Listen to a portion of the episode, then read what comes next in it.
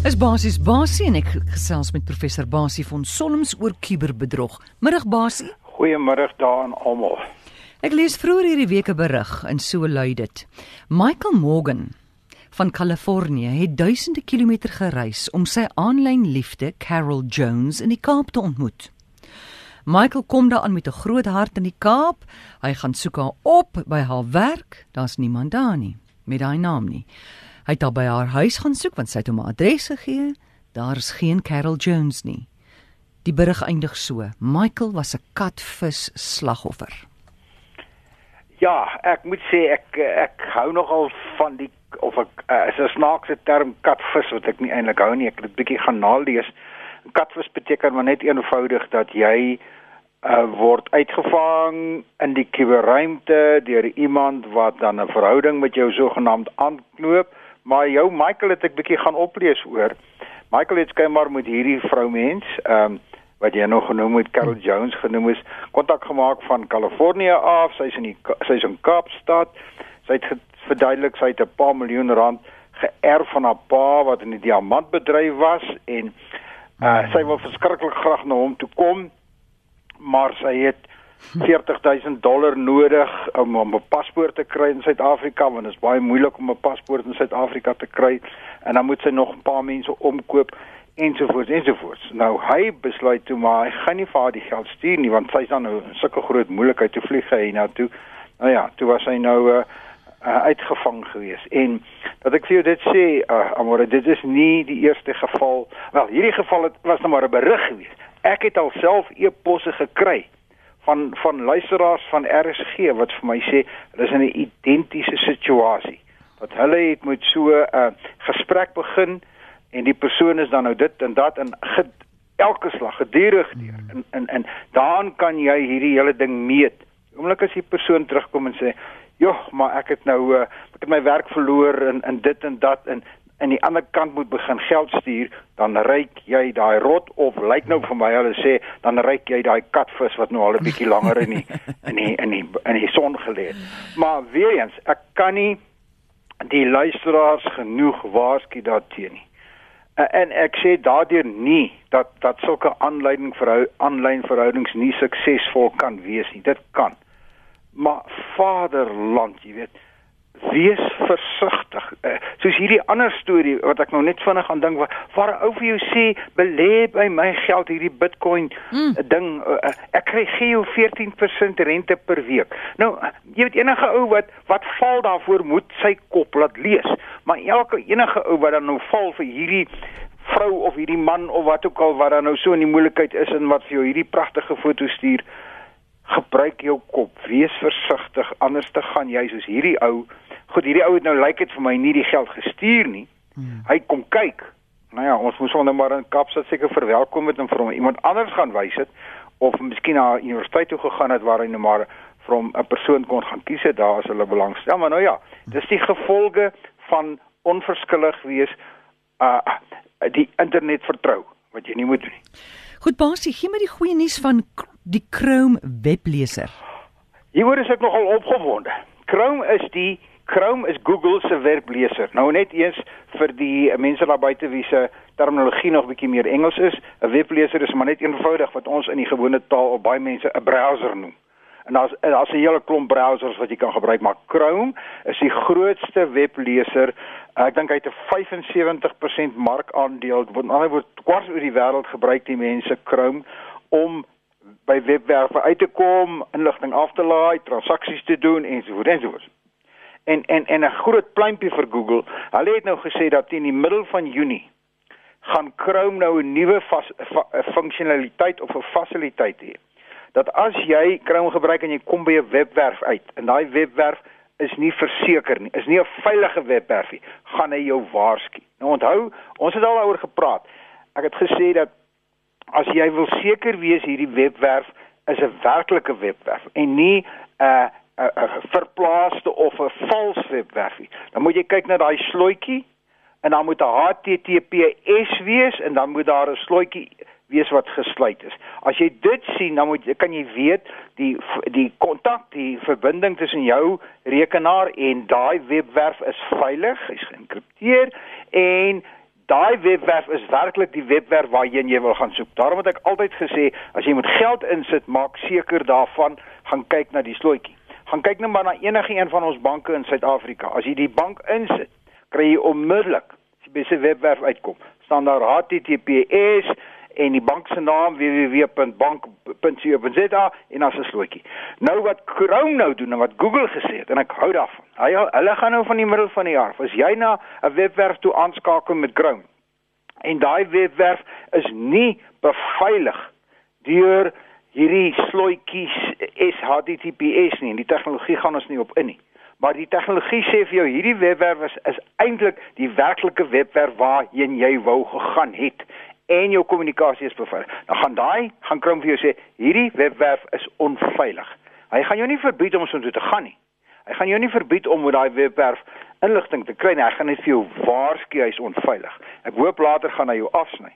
Maar dit gaan baie baie mense uh dink ek baie ja. geld spaar.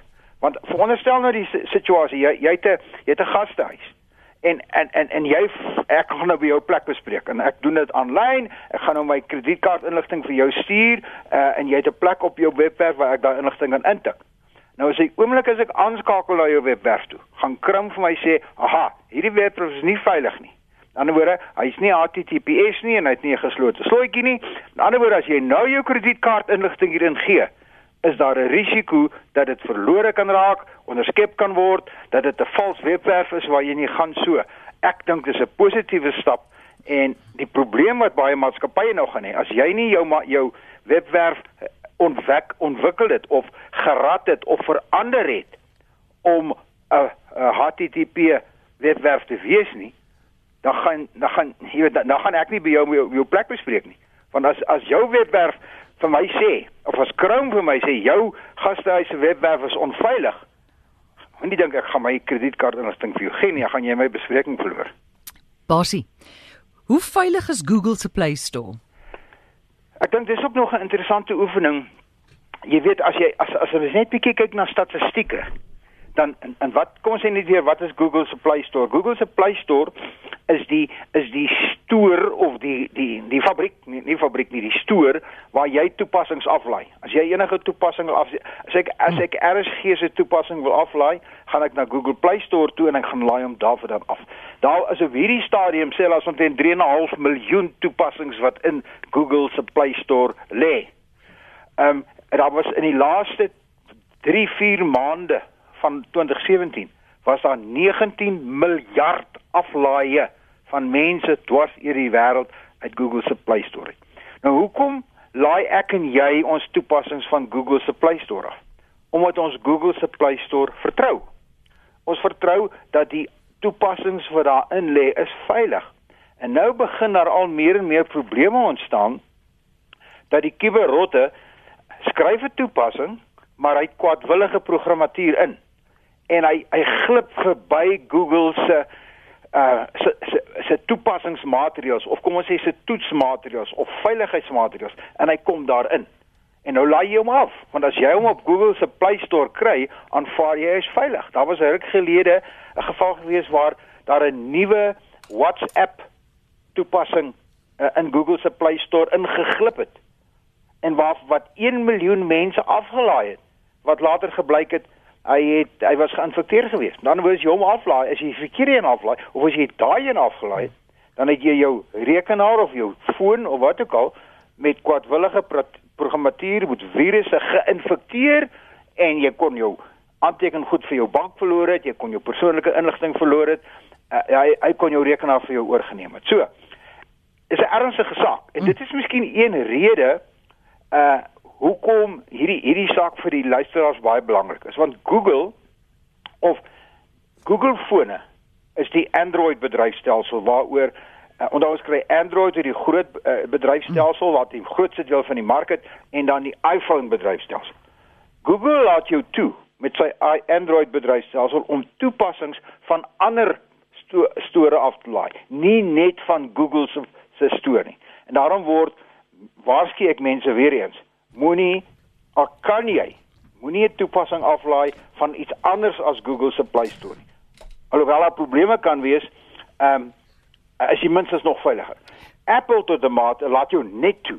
As jy Apple 'n toepassing wil aflaai, kan jy hom net van Apple se store aflaai. Jy kan nie jou foon oopmaak om 'n toepassing af te laai van van 'n ander store af. So, al wat ek vir die vir die luisteraar sê is as jy 'n toepassing aflaai van Google se Play Store, wees versigtig. Doen eers bietjie navorsing. Al is dit 'n bekende toepassing soos WhatsApp, gaan maak seker dis die regte een. Baie keer is dit is is dit ingeglip en hy lyk net bietjie anderste. Of daar's daar's twee. As jy twee kry, vra jy die vraag af, hoekom is hier twee? Is wat hmm. een is die regte een? En gaan doen 'n bietjie navorsing. Basie, ek het hier 'n vraag van Shamaine, maar ek het net 'n minuut. Hoor gou ja. wat het met haar gebeur? 'n Bankbedrog op haar kredietkaart, nee, debietkaart.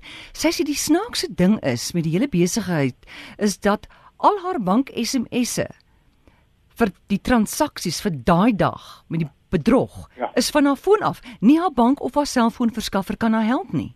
Wat moet sy doen? Dis 'n goeie vraag. Ja, wat ek kan sê is haar foon is geïnfekteer en haar foon is geïnfekteer of was geïnfekteer of sy is die slagoffer van een of ander kubermisdaad wat so kragtig was dat hulle uh, die die die stelsel kon aanpas of die jy weet die die die die foon boodskap wat moes gestuur geword het van haar foon af ver, verwyder het. En dit kan gebeur. Hierdie hierdie kwadwillige hierdie virusse en kwadwillige proteïen kan dit doen. So ek kan nie ek moet meer inligting hê daaroor maar ek sou ja. sê dit was 'n baie gesofistikeerde stuk programmatuur wat goed kon vernietig jou jou jou kontroleleers kon vernietig om presies dit te doen en dit is veral wat gebeur as daar polisie ondersoek of sulke goed is dan kan hulle nie dan sal nie 'n spoor om te volg. Maar waartoe kan sy gaan of kan jy dit nie nou vir haar sê nie? Uh laat laat sy vir jou laat sy vir my e-pos stuur asseblief dan dan kan ek daarna kyk. Laat sy vir my e-pos stuur. Hmm. Uh RSG basie uh by gmail.com stuur maar vir my daai e-pos. Ek sal kyk wat ek kan doen en dan uh, moontlik maar 'n verwysing gee na iemand toe.